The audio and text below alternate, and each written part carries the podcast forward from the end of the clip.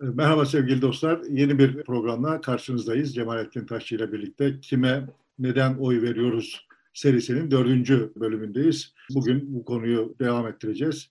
Ama öyle anlaşılıyor ki e, daha çok bizi izleyenler e, belki de şöyle bir hazır bir şey bekliyorlardı bizden. Neden AK Parti değil de CHP'ye oy vermemiz gerekiyor? Ya da HDP'ye ya da Gelecek Partisi'ne ya da Saadet'e ya da işte onlar değil de AK Parti'ye oy verelim. E, bunun kararını nasıl vereceğiz diye biz biraz daha arkadan geliyoruz. Teknik konuları açıklıyor Cemalettin. Muhtemelen buraya doğru da bir evrilme olacak sona doğru. Bu, bu konularda da bir şeyler söyleyeceğiz. Şimdi beynin nasıl karar verdiği süreçleri üzerinde daha teknik ve daha bilimsel e, konularla devam ediyoruz. Evet. Şimdi ben geçen programın sonunda eve gelen televizyonun nasyonel olmasının bende yarattığı hayal kırıklığından falan söz etmiştim. İzleyicilerimizin birisi sağ olsun. Demiş ki işte aslında iyi bir elektronik üreticisinin iyi bir, televizyonu imiş o. Tabii ben şimdi o zaman bunu bilmiyor idim. Şimdi öğrendim benim hayal kırıklığım geçti mi? Geçmedi. Mesele şöyle bir şey yani bir televizyonun iyi olup olmadığına, neyin iyi neyin kötü olduğuna daha genelde karar verirken öyle işte vay bunun şu özellikleri bana lazımdı o özellikler açısından da şimdi bu televizyon veya bu bilgisayar veya işte şu cihaz veya bu insan iyidir diyebilecek kadar data toplayamayız. Herhangi bir konuda yani. Şimdi bir televizyonun iyi olduğuna hükmetmek için ne lazım? Ben şu an yani işte hayatım boyunca muhtemelen 7-8 tane farklı televizyon cihazı tükettim. Ama bir televizyon iyidir diyebilmek için şu özelliklere sahiptir diyebilecek durumda değilim. Ama her durumda da bir karar vermek zorunda kaldım. Yok, bir Hepimiz tanesini öyle. seçeceksin. Ve ondan izlemeyi bir tanesi satın alıp izleyeceksin. Başka bir çare evet. yok. Ya sen biliyor musun mesela şimdi bir televizyonun iyiliğinin kriterleri nelerdir? Ne olursa iyidir. Bunları bile bilmiyoruz mesela ki. Birisi der ki daha az enerji yakarsa iyidir. birisi görüntüsü iyi olursa, sesi iyi olursa gibi bir sürü gerekçe çıkartabiliriz. Hani görüntünün iyi olmasını sağlayan özellik nedir? İşte dayanıklılığı nedir? Vesaire falan falan işte bunları bilemeyiz yani. Ama bunları bilemeden bir karar veriyoruz. Dolayısıyla genel olarak karar verme süreçlerinde çok eksik bilgiyle karar veriyor olduğumuzu bir kere bir hatırlayalım da ama bu örnek olayda işaret etmek. Burada bir de komşulara sorarız. Ee, onlar hangi televizyondan memnunlar? Arkadaşlara sorarız. Ee, onların tavsiyelerini, din, tavsiyelerini dinler öyle hareket ederiz. Tam oraya gelecektim yani. Aslında temel benim o hayal kırıklığımın temel sıkıntısı şuydu. Bizim evimize misafir gelip de o televizyonu görenler aa bu ne nereden çıkmış diyeceklerdi. Çünkü kimse de yoktu. Kimse bilmiyordu yani. Yani biz önümüze bir takım verileri alıp bu verilerle bir takım değerlendirmeler yapıp fanusun içinde nesneyle kendi aramızdaki ilişkiyi kurup ona göre bir tercih yapmıyoruz. Başka insanların arasında, başka insanlarla iletişim içinde karar veriyoruz. Şimdi o televizyon eve geldiği zaman bende yarattığı hayal kırıklığının temel gerekçesi işte o televizyonun biz yani bizim evimizde o televizyonun olduğunu gören insanların bizim hakkımızda varacakları hükümler vesaire falan falan bilinç altında beni rahatsız ediyor olan şey büyük ihtimalle buydu. Dolayısıyla başka insanlar o insanların tercihleri vesaireler falan falan televizyonlar televizyonların kendi özelliklerinden daha tayin edicidir. Bu hususlara geleceğim. Yani bunu sen şimdi mi düşünüyorsun sonradan mı o an mı böyle hissediyordun? O an, hayır o an hiç böyle bir şey aklıma bile gelmedi yani. Ama sonradan sonradan insanın karar verme süreçlerini analiz ettikçe, anlamaya çalıştıkça aa bak benim o dönemki hayal kırıklığımın arkasında bunlar varmış. Şimdi farkına vardım yani. Böyle farkına varmadığım bir yığın başka şey vardır. Bu farkına vardığım şeyin farkına varmadığım tarafları da vardır. Yani Şimdi buna böyle bir açıklama getiriyorum ama tek açıklama bu da değildir. Bu da kompleks bir şey yani. Bu karar verme süreci kompleks bir şey. Net toplamda bu kararları sosyal bir örgütlenmenin içinde veriyor olmamızın çok tayin edici faktörlerden bir tanesi olduğunu düşünüyorum. Oraya geleceğim. Yani bir sonraki programda değil, ondan sonraki programda bu işin sosyal boyutlarına geleceğim yani. Haydn'da e, Haydn'ı takip ederek. Haydn bence asıl ciddi katkısı olarak gördüğüm hususu da gelecek programda ele almaya çalışacağım.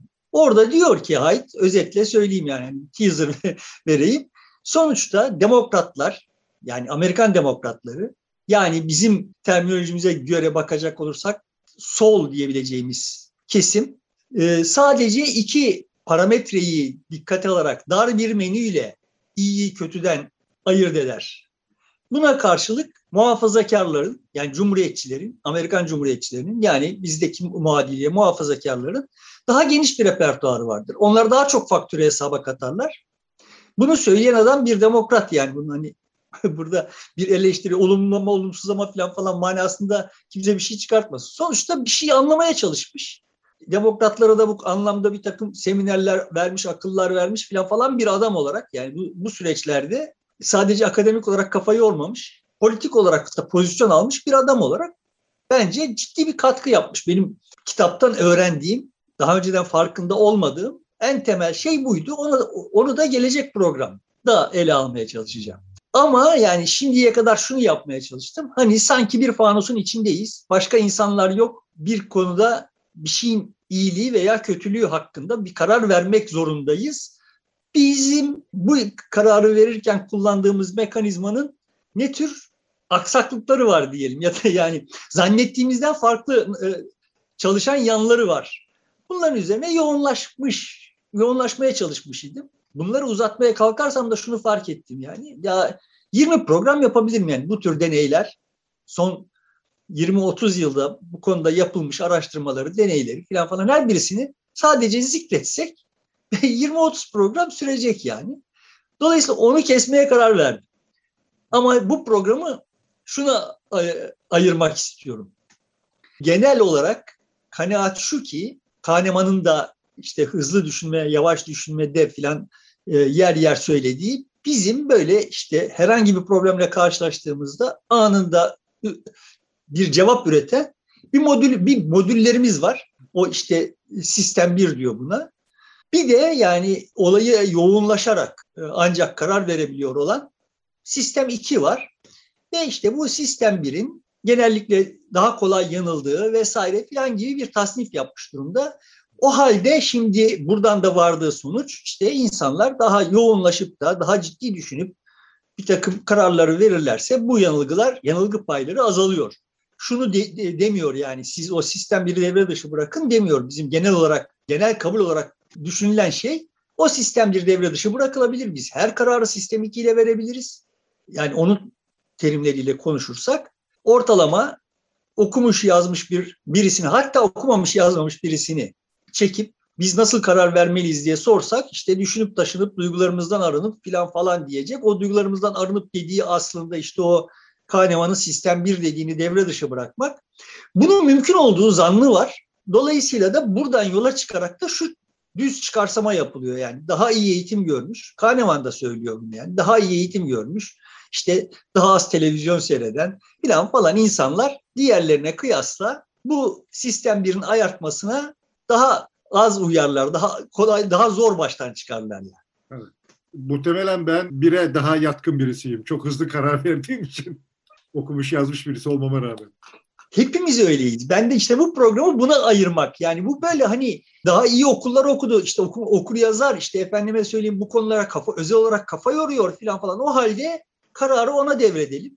Yani uzmanlara devredelim ol, olabildiği kadar işte o ya da işte çobana oy verdirmeyelim ve falan varan öyle çözümler üretiliyor ya bunun mantıksız olduğunu hepimizin aslında o sistem birle Kahneman da bunu işte dediğim gibi yani, e, söylüyor yani o sistem bir olmazsa herhangi bir hayatta kalma mücadelesini sürdüremeyiz zaten. Ama hani tamam peki e, diğer konularda böyle davranalım ama sandığa giderken filanın da çok geçerli olmadığını aslında bu böyle çok özenle, dikkatle bir şeyleri analiz ederek falan falan da çok doğru sonuçlara varılamayacak olduğunu bu programda bir örnekleriyle ele alalım istiyorum. Sandığa gitme meselesi aynı karar verme konusu da değil aslında. Bir 90 gün, 60 gün en azından e, bir süre var ve bu süre içerisinde herkes konuşuyor ve onları dinleme şansımız var. Ve zamanımız var yani karar verme konusunda aslında. Hayır şimdi deniyor ki yani daha doğrusu bu kadar bu kelimelerle söylenmese de varsayılıyor ki yani o dağdaki çoban veya işte bilmem kim zaten o verileri değerlendirmiyor. İlk anda verdiği karar neyse yani o sistem birle kararını veriyor ve işte halbuki hani bu defalarca başıma geldi. Yani adam diyor herhangi bir siyasi partinin programını okumuş değil diyor tamam mı? Ben sonra peki sen okudun mu diyor. Duruyor. Yani o da okumamış. Yani ben ben birçok milletvekili biliyorum, tanıyorum. Milletvekili adam ya. Yani her partiden yani milletvekilleri tanıdım.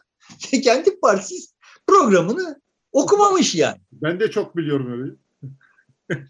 yani, yani yaş duyulduğunda bu ne diyor falan diye dönüldü. Bakın okunur. Yoksa kimse durduk yerden okumaz mı bu programları?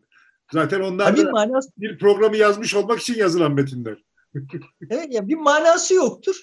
Manası olmadığını herkes bilir. Ama şimdi e, hemen dilin ucuna gelen şey bu yani. Adam bilmiyor diyor ya. Bu siyasi parti programını bilmiyor. Peki sen biliyor musun dediğimde? Yani dediğim gibi böyle herkes bir kalıyor. E, o da bilmiyor çünkü kimse okumuyor yani. Ama işte kendilerini bir taraf bir kendilerinde bir teknik üstünlük görüyor olan bu lafı e, eden aslında kendisinin de okumadığını biliyor da kendisinin okumadığını sorgulanmayacağından da emin yani.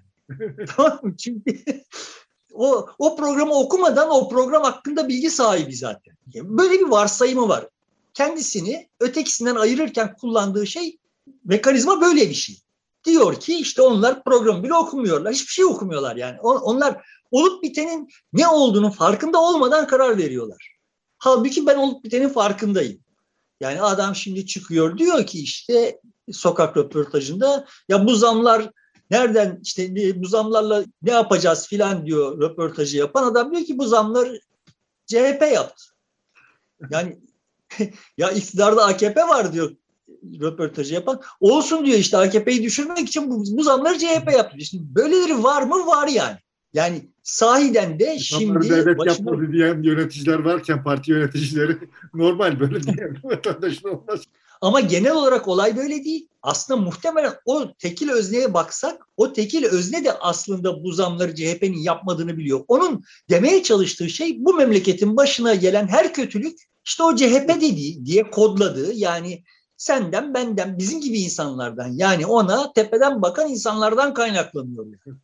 Aslında kelimelendirmesiyle içinden geçiyor olan şey farklı. İşte bunu en başta ilk programda demeye çalışmıştım. Yani sonuçta bir tercihi yapıyoruz ve sonra niye yaptığımız sorulduğu zaman ona bir şey, bir gerekçe uyduruyoruz. Adamın uydurduğu gerekçe ter, e, problem ne olursa olsun bizim başımıza gelen sizin yüzünüzden kardeşim.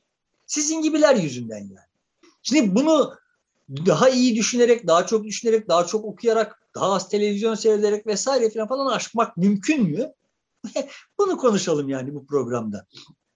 Şimdi Todorov e, Princeton öğrencilerine yani Amerikan toplumunun ve hatta e, uluslararası toplumun Princeton'da okumak kolay bir iş değil. Uluslararası toplumun seçkin mensuplarından oluşan öğrencilerle yaptığı deneyde onlara işte kısa süreli bir takım fotoğraflar gösteriyor ve bunların ne kadar güvenilir olduklarının işte notlamalarını istiyor. Aslında bunlar rastgele seçilmiş fotoğraflar değil. Bunlar muhtelif seçimlerde birbirlerine karşı yarışmış adaylar. Ama yani geçmiş seçimler bunlar ve e, öğrenciler o adayları tanımıyorlar. O fotoğrafları tanımıyorlar yani. Ama işte böyle karşılıklı e, bir takım fotoğraflar gösteriyor ve öğrenciler de bunları notluyorlar. Güvenilirliklerini notluyorlar. Sonra bakıyor ki yüzde yetmiş oranında seçilmiş olan yüksek not verilmiş.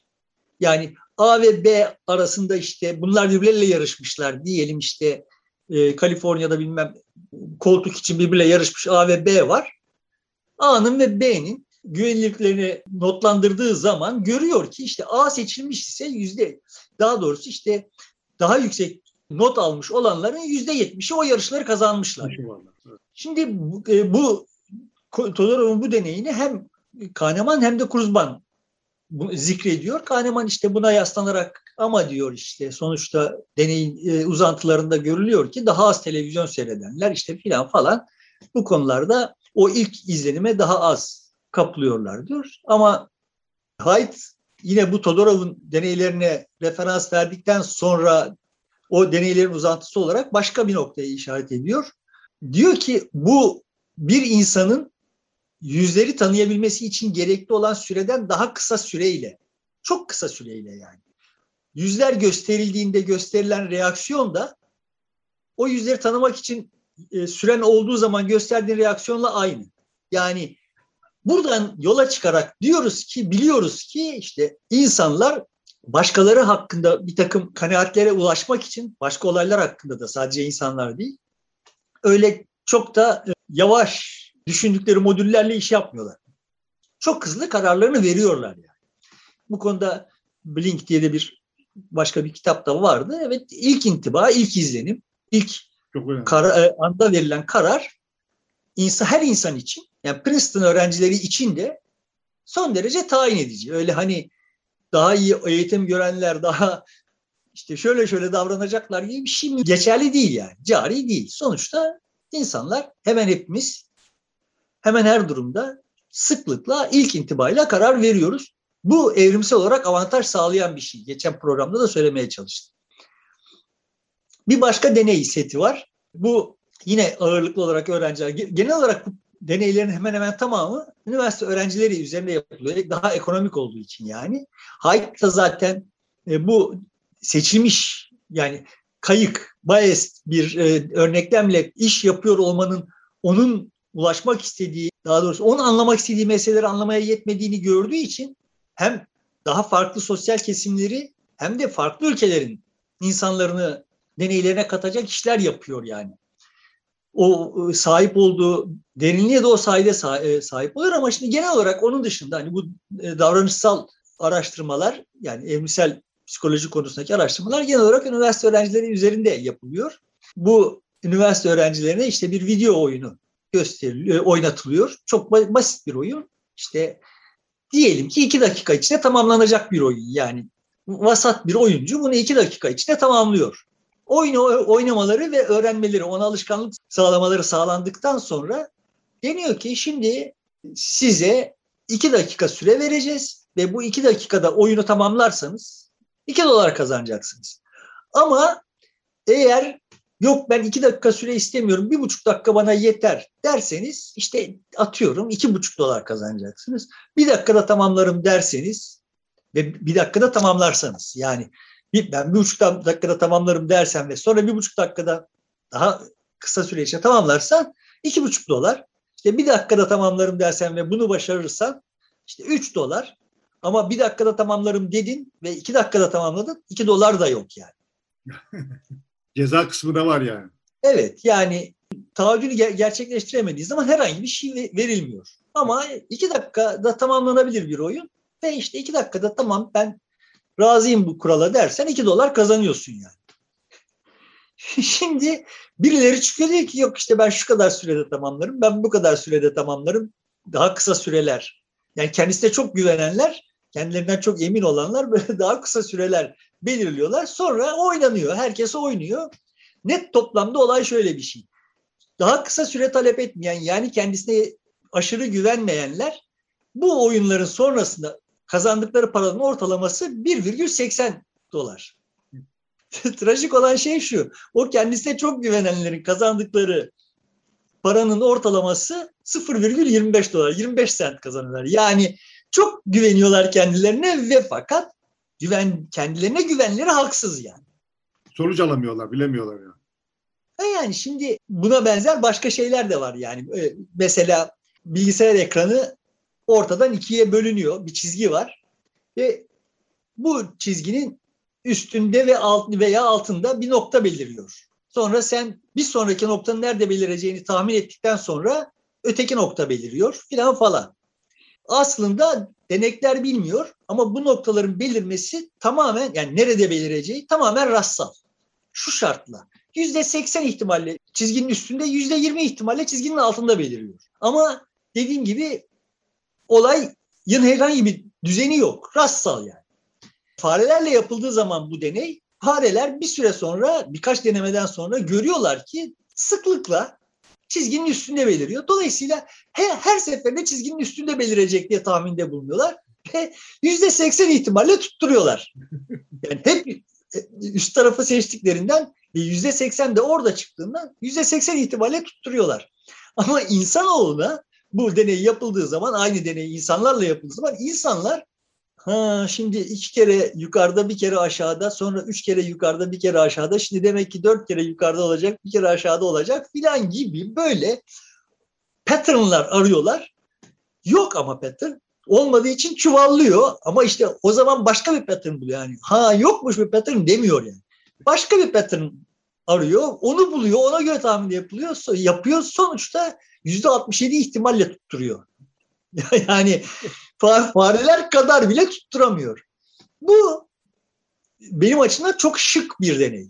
Yani buna yaslanarak şimdi kardeşim bak böyle pattern yok. Aramayın, fare gibi davranın desek işte evrim ağacında da farelerin olduğu yerde olacağız. Demek ki bu pattern arama işinin bir faydası var.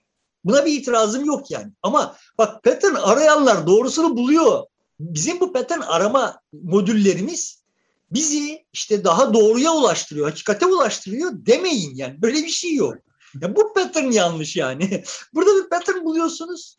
Yani kendi kendinize diyorsunuz ki evet işte şu eğitim seviyesinde veya şu özelliklere sahip falan filan işte muhafazakarlar filan falan diye bir takım patternlar buluyorsunuz. Bak bununla yaptığınız akıl yürütmeler yanlış. Yine pattern aramayı sürdürün. Ama bu yanlış. Çaba, çabanızı sürdürün ama bu garanti değil. O pattern arama e, bulduğumuz patternlar bize bir şey sağlamıyor. Evrim bir avantaj sağlamıyor. O pattern arama ihtiyacı bize evrimsel avantaj sağlıyor. Şimdi bu pattern aramaktan vazgeçip bulduğun patternları hayatı açıklamak için kullandığın zaman çuvallıyorsun yani. Kendi potansiyelini, kendi imkanlarını, kendi yeteneklerini de doğru kullanmamış oluyorsun. Benim de temelde yani sittin senedir söylemeye çalıştığım şey bu yani. Sizin pattern bulmanızla, bulmak için çaba harcamanızla bir e, şeyim yok ki, şikayetim yok ki. Bulduğunuz patternlarla ilgili şikayetim var yani. Bu patternlar yanlış. Şimdi bunun yanlış olduğunu söylemeye çalışıyorum ama sen şimdi bana ha ısrarlı bir şey ya peki o zaman şöyle bir pattern geliştirelim demiyorsun. O pattern'ı benim kabul etmemi sağlamaya çalışıyorsun. E o zaman kopuyor yani. Yani doğru tutturduğunda da o patternlar sayesinde tutturmuş olmuyor. Yani onun da şeyini bir, bir gene çözemiyor ama tesadüfen öyle çıkmış oluyor. Yok birçok pattern'ı yani mesela temel bilimlerde birçok pattern'ı çözmüş bulmuş durumdayız. Daha sonra birisi geliyor bir paradigma değişimiyle o patternlar başka bir pattern'ın içinde bir parça oluyor falan falan. Ben şimdi mesela şimdi hani gelecek programda anlatmaya çalışacağım. Hayden'ın sosyal bilimler konusunda, insan zihni konusunda söylediği şey de bir pattern. Benim açımdan yeni bir pattern. Sonuçta adam yeni bir şey koymuş ortaya. Onun da geçersiz olduğundan benim şüphem yok. Ama şu anda elimizde hali hazırda yeterince test etmediğimiz, ona göre yol almadığımız vesaire falan bir araç var. Ya bununla yola de devam edersin ya da aynı zihniyetle yani eğitim zihniyetiyle kendin yeni bir pattern ararsın. Ama şimdi 200 senedir tekrarlanmış ve işe yaramadığı ispatlanmış bir pattern'ı yok kardeşim bu nokta burada çıkacak filan deyip kasıp durmanın bir alemi yok yani. Öyle bir şey yok işte görüyorsunuz yani. Pratikte yok. Şimdi buna benzer bir başka deney var. Çok o da çok ufuk açıcı bir deney. Bunu Kurzban e, zikrediyor. Londra finans borsalarında işte brokerlık yapıyor olan, danışmanlık yapıyor olan uzmanlarla bir deney yapıyor. Şimdi yine bilgisayar ekranında bir bar var. Deneklerin önünde de üç tane düğme var. Deniyor ki işte bu barı olabildiği kadar yukarı çıkaracaksınız. Bu düğmeleri de kullanarak olabildiği kadar yukarı çıkaracaksınız. Şimdi düğmelerle o bar arasında pratikte hiçbir bağlantı yok. O bar böyle işte yükseliyor yükseliyor küt diye düşüyor işte düşüyor biraz daha yükseliyor sonra işte falan yine düşüyor.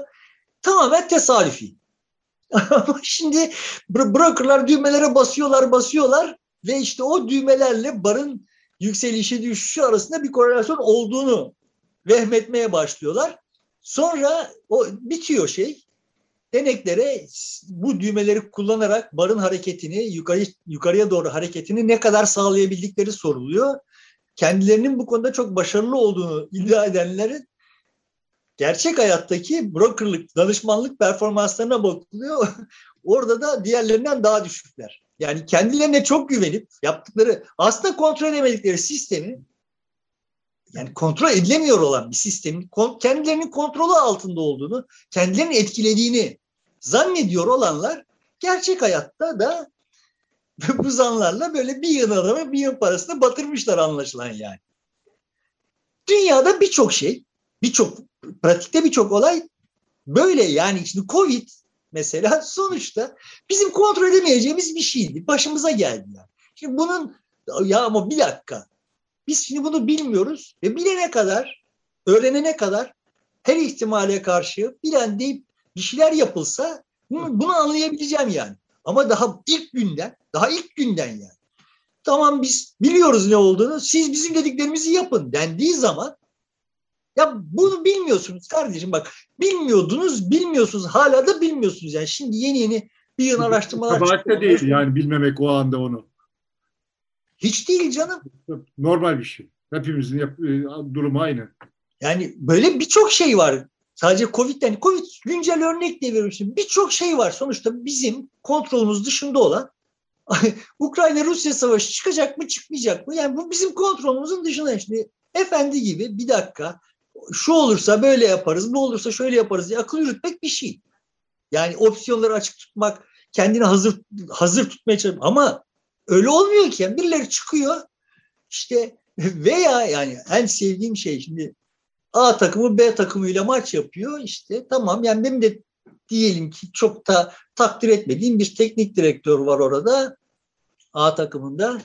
Ama şimdi bak kardeşim eğer sen şöyle varsaydıysan yani işte senin filanca oyuncunun sağ kanattan şu bindirmeleri yaptığı zaman işte yaptığı ortalarla pozisyon yaratabileceğini zannettiysen bak öyle olmuyor bu oyuncunun istatistikleri falan deyip konuşmak bir şey.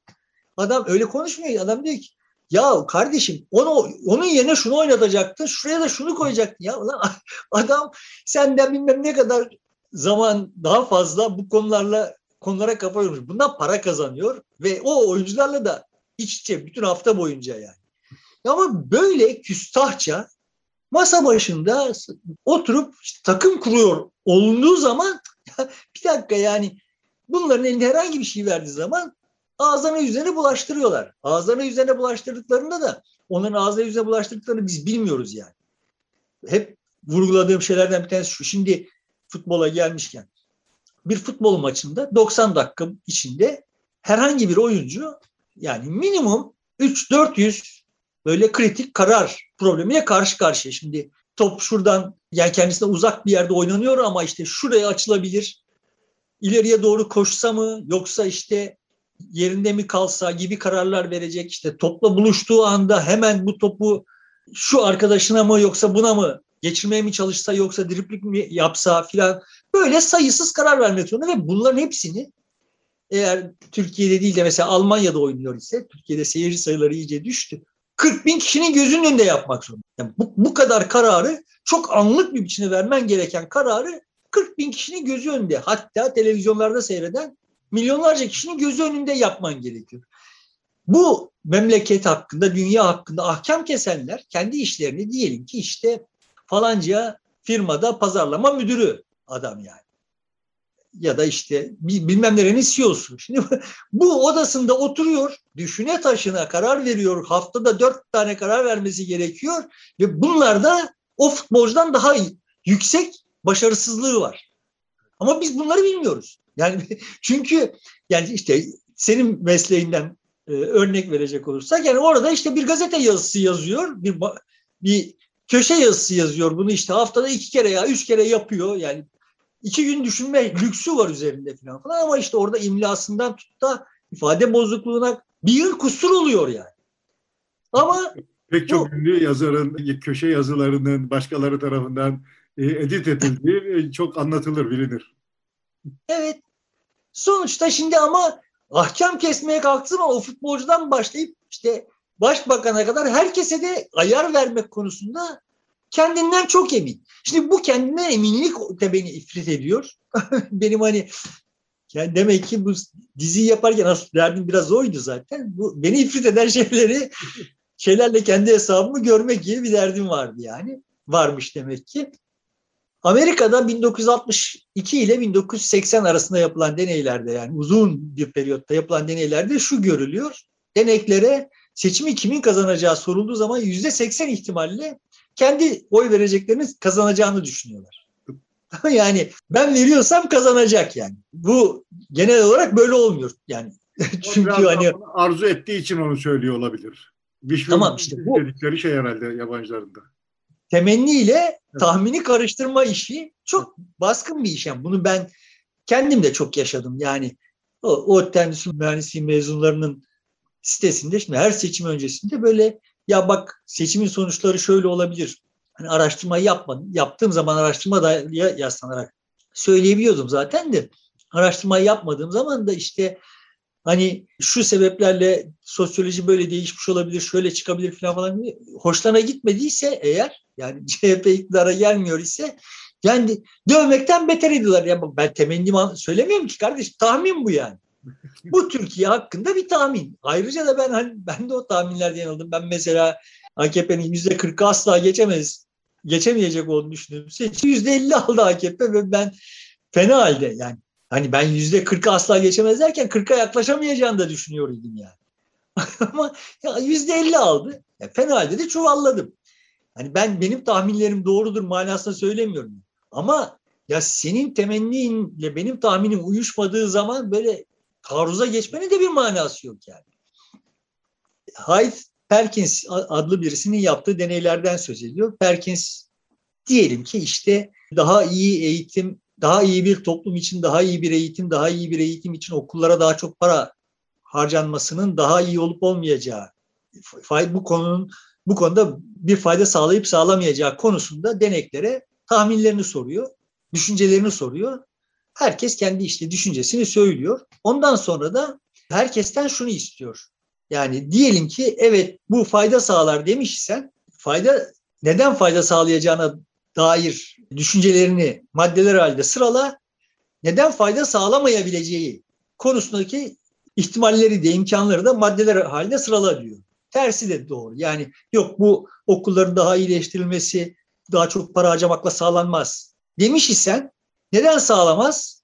Maddeler halinde sırala. Peki sağlayabilir mi acaba? Bir de sağlayabilir diye düşünerek onun için maddeler sırala de, diyor. Ve şu görünüyor. Herkes kendi kanaati neyse onu destekleyecek çok daha fazla madde sıralıyor. Ötekisi için o kadar madde bulamıyor yani. Buna yaslanarak Berkins de işte diyor ki Hayt de buna işte katılıyor ki zeka aslında bir meseleyi bütün boyutlarıyla kavramak için değil bir tartışmada kendini haklı çıkartmak içindir. Evet. Yani bizim zeka diye ölçtüğümüz şey aslında bir tartışmada kendini haklı çıkartma kabiliyetidir. Yoksa hani daha zeki olan insanlar meseleleri daha etraflıca bütün boyutlarıyla kavramak konusunda daha becerikli değiller başkalarına kıyasla. Yani o zeka gerektirmiyor yani. O çaba gerektiriyor. Bütün taraflarıyla meseleyi kavramak diyor. Böyle bir sonuca varmış. Bu da işte hani sonuçta kardeşim biz okuduk ettik, biz sizden zekiydik. Dolayısıyla memleketi biz yönetelim yönetmek bizim hakkımız diyenlerin çok da haklı olmadığını bir delil olarak kullanılabilir yani. Haidt e, özellikle işte son dönemde yapılan bu araştırmalardan yola çıkarak insanların kendilerini aldatmalarının sınırı olmadığı sonucuna varıyor. Diyelim ki kahve tiryakilerinin meme kanserine yakalanma ihtimalinin daha yüksek olduğuna dair bir araştırma. Yani sanki böyle bir şey varmış gibi bir araştırma sonucu veriyor eğer kadın kahve tiryakisi ise araştırmada ki defoları kahve tiryakisi olmayan kadınlara kıyasla çok daha çabuk ve daha çok defo buluyor yani.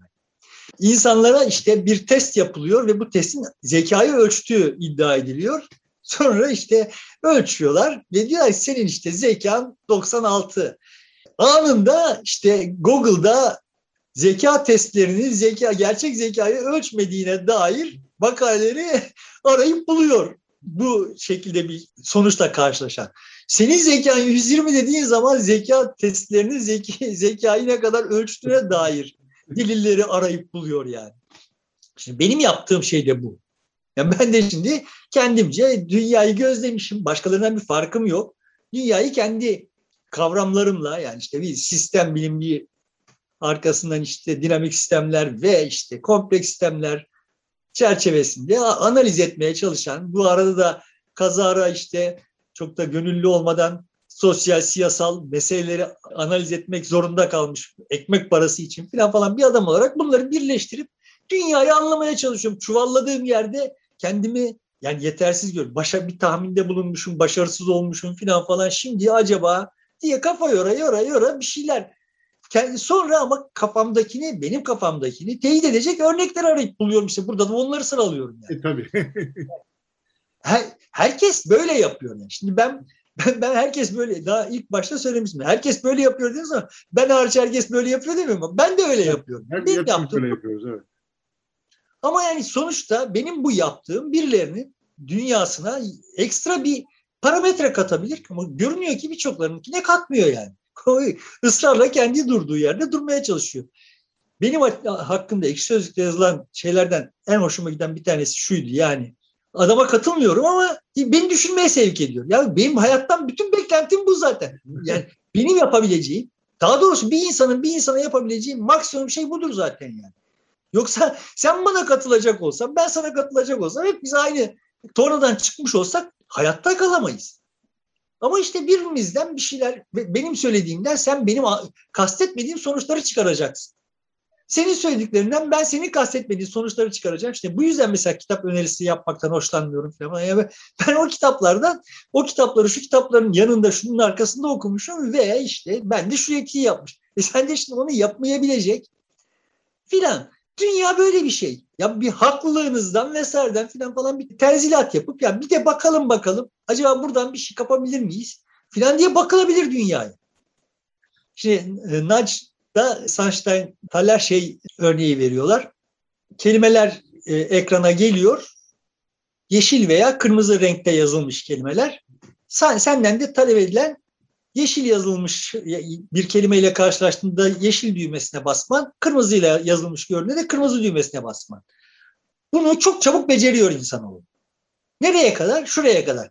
Yeşil renkle yazılmış bir kırmızı kelimesi gördüğü zaman hızı düşüyor.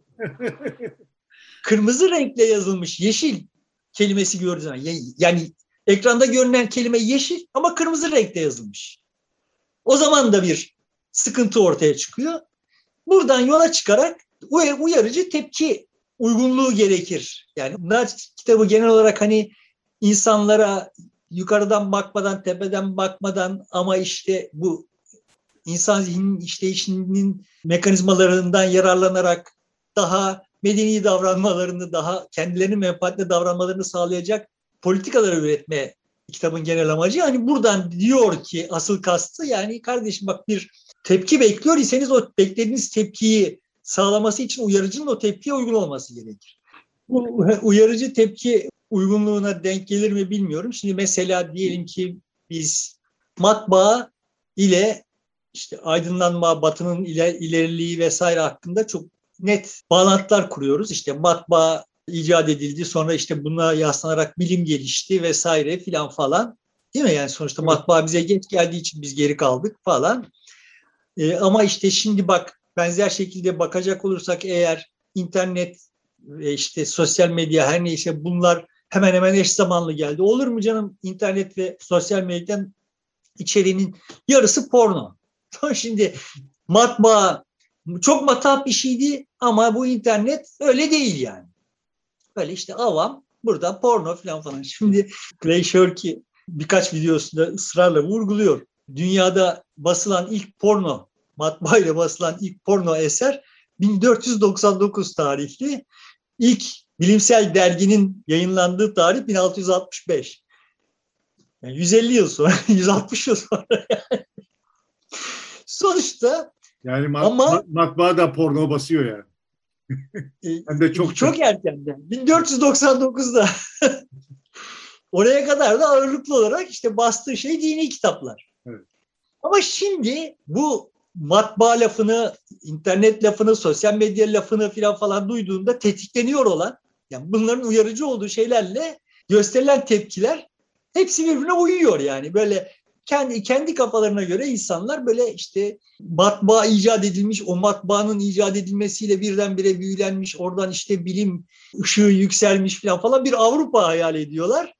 İşte oradan işte anında zenginleşmiş, anında bir şeyler olmuş falan. Öyle bir şey olmadı. Yani pratikte olay hiç öyle gerçekleşmedi ve işte evet matbaada da bir ilk İngiltere'de ilk bilimsel dergi yani matbaanın bilime asıl katkısı bilimsel dergi. Neden? Çünkü dergi konsepti daha önce mümkün değil. Yani elle yazıyor olduğun dönemde yazdığın şeyin uzun süre hayatta kalacak, uzun süre geçerli olacak bir şey olması gerekiyor. Aksi halde kendisine yapılan yatırımı ödeye, ödeyemez yani.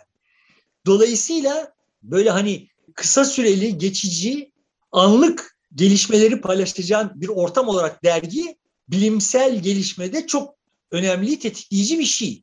Ve bunun elle yapılması mümkün değil. Matbaanın asıl büyük katkısı bu hususta bu olmuş. Ama bu işte ta 1665'te ilk e, İngiltere'de ilk bilimsel derginin basılması tabii 1665 yani. İşte dediğim gibi 160 yıl sonra şeyden yani. Bu ilk porno eserden.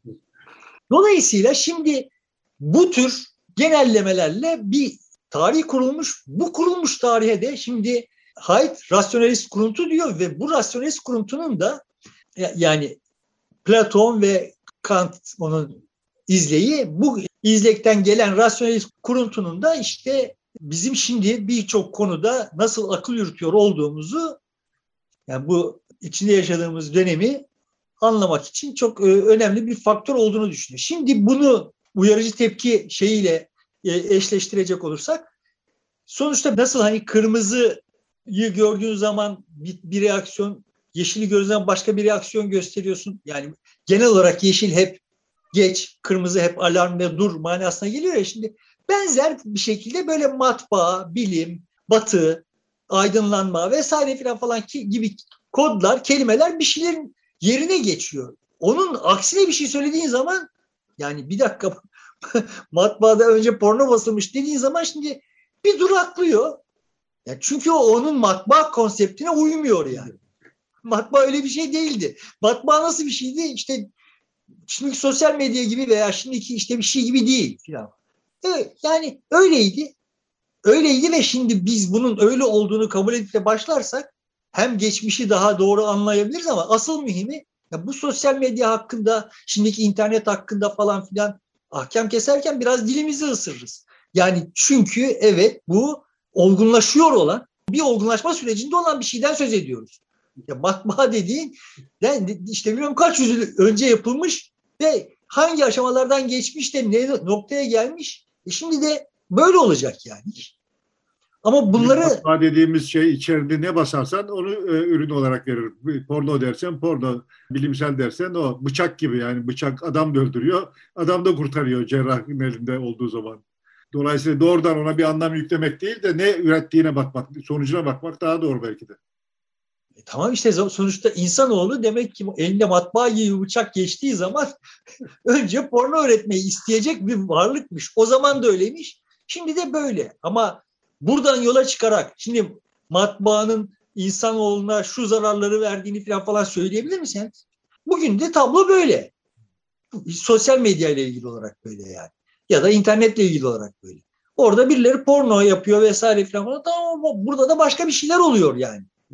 Ama hep işte geçmişte aydınlanma döneminden kalan filan falan bir parlaklık, bir e, ışık filan vehmedeceğiz. Yani beklentimiz bu. Bu beklentiyle davranıyor olduğumuz için matbaayı bir yere koyuyoruz. Bugünü de kötüleyeceğiz. İnterneti de başka bir yere koyuyoruz. Şimdi bunu biz böyle tercih ettiğimiz için yapıyoruz. Realite öyle olduğu için değil yani. Ve işte durmaksızın bir rasyonalist kuruntu var. Haydn dediği gibi. Haidt bu konuda diyor ki yani okuyayım şimdi rasyonel kuruntu sadece insan doğası hakkında bir iddia değil. Yani insan doğası şöyledir demekten ibaret değil. Yani o Kant'ın, e, Platon'un bak insan şöyle bir canlıdır ve bu işte şu ulvi, bu süfli yönleri vardır filan falan demiş olmakla kalmıyorlar diyor. Diyor ki rasyonel kastın yani filozofların, bilim insanlarının güce sahip olması gerektiği iddiasıdır. Böyle bir programdır. Dolayısıyla da evet bu politik bir şey. Yani rasyonel kuruntu politik bir şey ve bu politik tutumla işte politika bizim elimizde olmalı, kararı biz vermeliyiz diyorlar. Bunu diyenler kimler? Kant'a, Platon'a inanıyor olanlar kimler? İnsan doğası hakkında ne kadar yanılmış oldukları defaatle ortaya çıkmış olanlar. Ama yani kendi kendilerinin insan doğası hakkındaki varsayımların yanılmış olduğunu da kabul etmiyorlar ve işte böyle o rasyonel kuruntuyla yeni nesiller yetiştirmek filan gibi hayaller kuruyorlar ila, ilaveten. Yani bir yandan da hala o insan doğası hakkında yanlışlanmış olan şeyleri iman etmeyi de sürdürüyorlar. Ve tamam bu insanlarda iş yok. Biz yeni nesilleri şöyle yetiştireceğiz filan. Sonuçta bütün faşizmler bütün faşizmler buradan çıktı ve ben yani zamanında demiştim yani bu rasyonellik anlayışının kaçınılmaz siyasi formu faşizmdir. Ve görüyorsun şimdi adam zaten dünya demokrat ama işte başlıyor yani işte bizim videoların altında da görülüyor yani başlıyor ve toplumu zapturapt altına almadan bir çıkış olmayacağı sonucuna varıyor. Ama bunu da demokrat olarak söylediğini iddia ediyor. Şimdi ondan sonra bununla tartışmaya çalışıyorsun yani. Burada sözünü ettiğim Orkun değil. Bunda yeni bir cevap hakkı doğurmayayım. E, Heyet'in bu konuları tartışırken işaret ettiği bir husus var. Onu çok önemsedim. Diyor ki 1940'larda 50'lerde yani savaş sırasında ve sonrasında akademiya işte e, liberal, muhafazakar, solcu, sağcı, cumhuriyetçi, demokrat. O zaman zaten cumhuriyetçi ve demokrat partiler de bu kadar şey değildi. Saflaşmış bir şekilde mavi kırmızı ayrılmış değildi diyor. Dolayısıyla hani liberal muhafazakar veya işte solcu sağcı diye kodlayacak olursan bu açılardan bakıldığında akademiyanın temsil kabiliyeti yüksekti diyor. Yani bütün sosyal kesimler akademiyada e, temsil edilebiliyor idiler. Fakat diyor bu şeylerle birlikte e, 68 kuşağının sahaya inmesiyle birlikte olay radikal bir biçimde değişti. Bu 70'lerden itibaren iyice baskın hale gelen durumda diyor profesörler dersliklerde öğrencilerine hakikatin peşinde koşmayı değil ilerlemeci bir idealin peşinde koşmayı telkin etme, etmeye başladılar. Fikir yani şöyle fikirleri doğruluklarına göre değil, bu fikirlerin ilerlemeci ideallere uygunluklarına göre değerlendirmelerini istemeye başladılar. Vay bu doğru ben o yüzden bunun peşindeyim demeyeceksin yani. Burada işte kadınların işte falanca haklarının savunulmasına katkı sağlıyor ise bunun yanındayım filan diyeceksin. Şimdi dolayısıyla akademiya hakikatin peşinde koşmaktan çıktı ve kendisi bir politik aktör durumuna geldi. Bunu çok önemsiyorum. Çünkü bugün içinde yaşadığımız sıkıntının esas kaynağının bu olduğunu düşünüyorum. Yani sonuçta politik olarak sahada A partisi B partisi A fikri B fikriyle falan falan mücadele eder. Seçmen buna göre pozisyonunu alır. Bunları değiştirebilir. Yani seçmen sonuçta siyasi partileri değiştirebilir. Ama seçmen akademiyada kimin görev alacağını ve bunun ne öğreteceğini tayin etme yetkisine sahip değil. Dolayısıyla onun taraflılığı seçmende kendisinin dışarıda bırakıldığı duygusunu uyandırıyor. Onlar da kendileri aslında hakikatin peşinde olmayıp kendi ham hayallerinin, ideallerinin peşinde oldukları zaman ki zaten bunun örneklerini görüyoruz. Yani adam son tahlilde gelip diyor ki tamam da bu doğru olması şart değil. Bu kimin işine yarayacak? Senin yayınladığın yayın kimin işine yarayacak? Bunu, adam bununla ilgileniyor yani. Ve bunu da bilim insanıymış. Bilim insanı yani bu unvanla yapıyor. Dolayısıyla bu deformasyon yani e, sistemin kurumlarında ortaya çıkan bu deformasyon bugünkü dünyanın yani işte Trump'ların, Erdoğan'ların, Putin'lerin falan falan altlığı oldu benim kanaatime göre. Bunu Haydn bu şekilde hani tarihsel şeylerle koymuş olması da bende başka ışıklar yaktı. Yani ben de diyorsun kendi kanaatime uygun e, delilleri buldum. Buldum evet bir tane daha delil buldum. Bu tarih ki böyle bilmiyor idim yani. Bu tarihi öğrenince kendi kanaatim pekişmiş oldu. Bu bilim insanları yönetirse dünyayı daha iyi olacak. Bilim insanları çünkü falan falan gibi bir takım şeyler konusunda da bir deney var. Schwitzgevel diye bir adam, telaffuzum ne kadar doğrudur bilmiyorum. Ahlak filozoflarının filozoflarını analiz ediyor. Yani ahlak felsefesi alanında ders veriyor olan yani bilim insanlarının ve bu konudaki filozofların davranışlarını analiz ediyor. Muhtelif teknikler kullanıyor. İşte hayırseverlik, oy kullanma, belirli sıklıkta annesini arama, kan bağışı, organ bağışı, temizlik, öğrenci maillerine cevap vermek filan gibi konularda diğer profesörlerden daha hassas, daha işte ahlaklı, daha doğru davranıyorlar mı filan diye bakıyor ki hiçbir fark yok. Bir konuda fark buluyor. Çok çok vahim yani. Üniversite kütüphanelerinde ahlak konusundaki kitaplar diğer kitaplara kıyasla daha çok kayboluyormuş. daha az iade edilmeme ihtimali daha yüksekmiş yani. Bu yola çıkarak yani hani ben ahlak filozofiyim o halde daha ahlaklıyım deme lüksünün de pek olmadığı.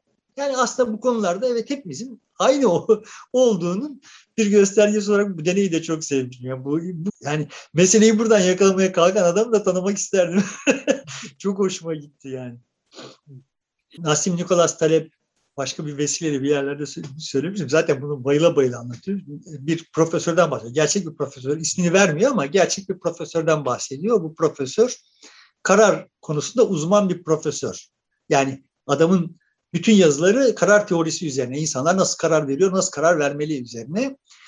Bu adam galiba Harvard'da çalışıyor ve galiba Kaliforniya'da bir yerden bir teklif alıyor. Daha şık bir teklif alıyor ve ama gidip gitmemek konusunda da karar veremiyor yani. Kafasında soru böyle dönüp duruyor. İşte kararsızlık da yüzüne yansıyor uzun günler boyunca. Sonunda asistanı bir gün hocam pek iyi değilsiniz falan diyor. O da diyor işte böyle böyle bir durum var. Karar veremiyorum. E sizin kendi teorinizle diyor bu şeyi ölçsek hani hangisi iyidir falan. Adam bu ciddi bir iş lan diyor.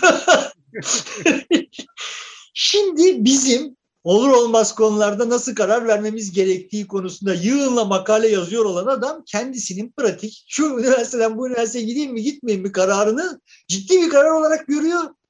Ama bizim o teorilerle ne kararlar veriyoruz farkında değil yani. Şimdi bu uzmanlık denen şey konusunda en çarpıcı. Yani, yani bu hiç şaşırtıcı gelmemişti bana.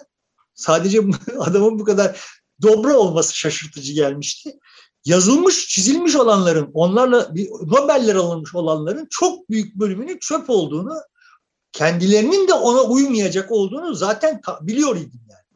Buna benzer bir şeyi de Nacda yine anlatıyorlar.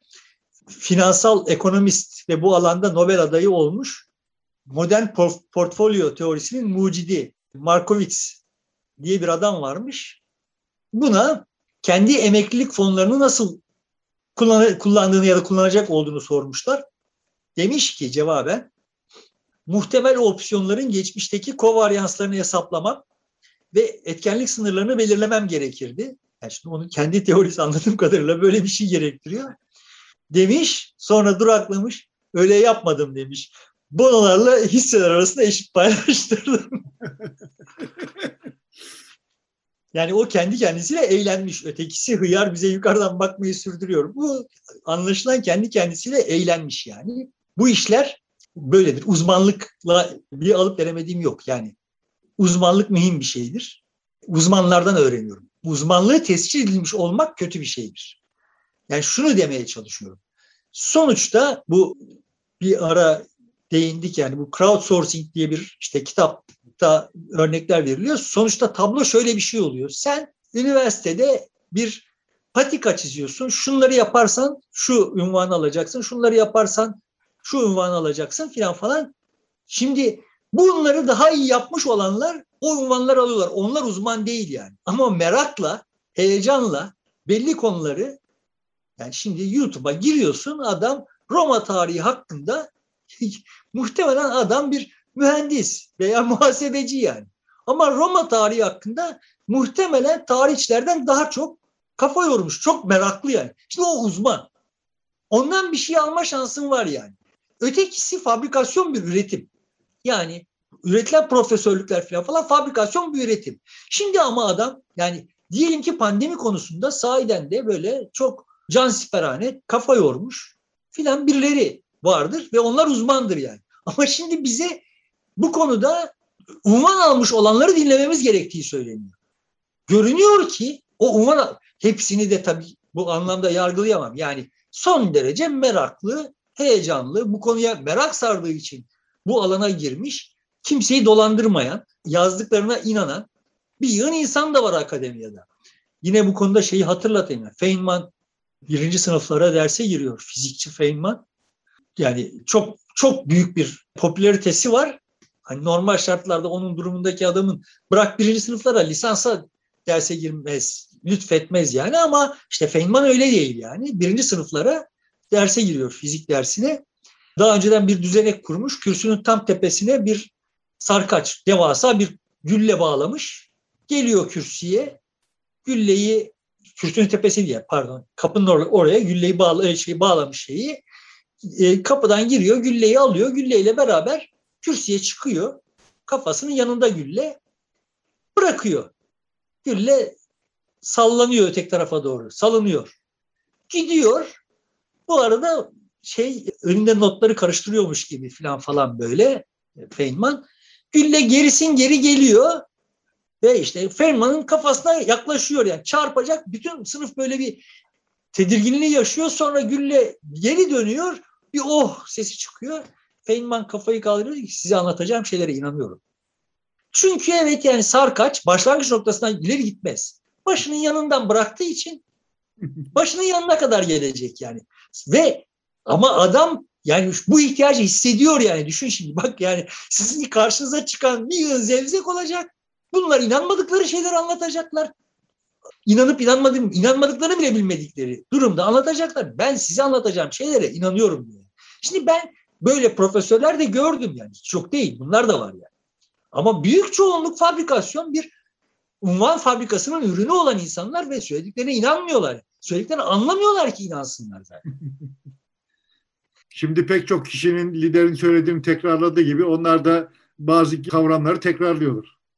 Yani ben öyle profesörler gördüm. Adam işte şimdi benim olduğum yaşa gelmiş 65 yaşında emekliliğe emekli olmuş olacak filan falan 50 kullandı 60'ı geçmiş. Adam 35 yaşında kürsüye çıkmış o tarihte işte bilmem e, maliyet muhasebesi konusunda hangi kitap varmış o kitapla 35 yaşında kürsüye çıkmış 60 küsur yaşında gelmiş kitap aynı kitap.